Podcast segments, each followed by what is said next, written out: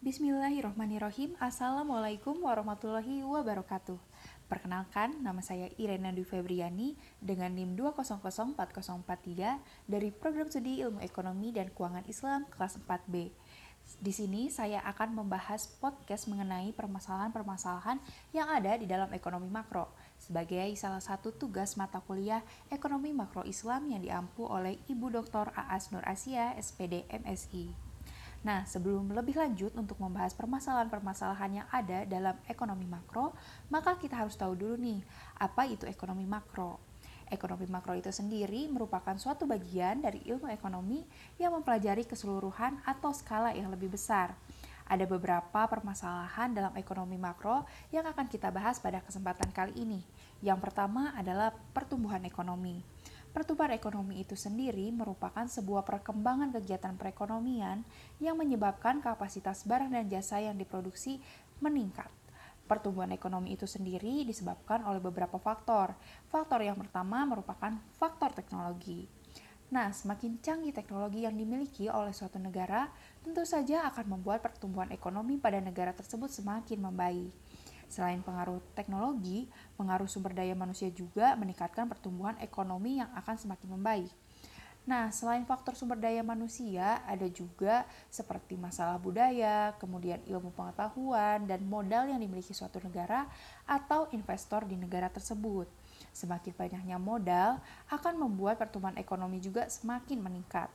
Lalu permasalahan yang kedua adalah pengangguran.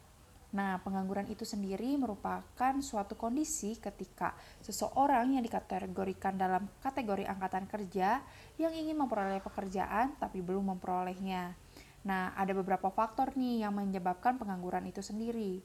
Nah, yang pertama adalah perusahaan mengganti tenaga kerja manusia dengan tenaga mesin.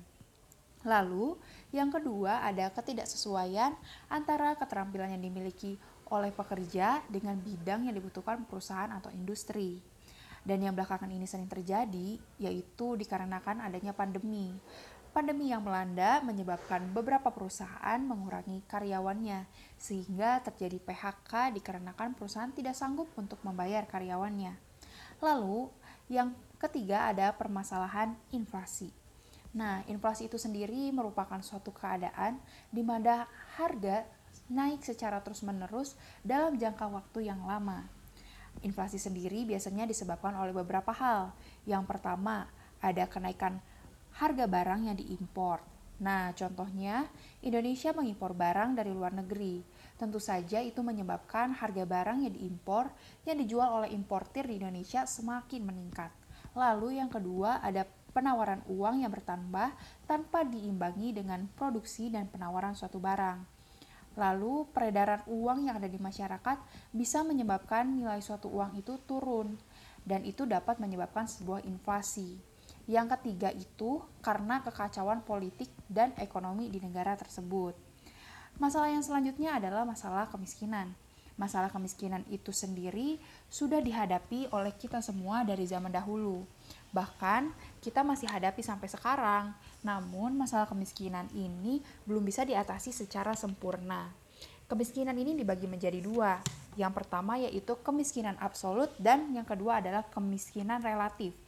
Untuk kemiskinan absolut sendiri merupakan sebuah kategori kemiskinan di mana orang ini berada di benar-benar di bawah garis kemiskinan. Sementara untuk kemiskinan relatif adalah orang yang berada di atas garis kemiskinan tetapi yang tingkat ekonominya paling bawah dalam suatu kawasan atau dalam kelompoknya. Lalu masalah yang terakhir adalah masalah neraca perdagangan dan pembayaran. Nah, neraca perdagangan sendiri adalah ikhtisar yang menunjukkan selisih nilai transaksi ekspor dan impor suatu negara dalam jangka waktu tertentu, biasanya dalam satu tahun.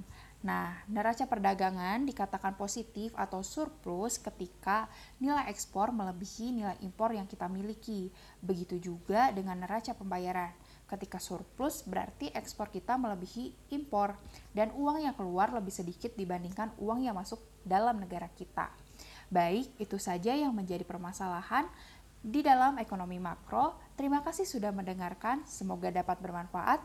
Sekian dari saya, wassalamualaikum warahmatullahi wabarakatuh.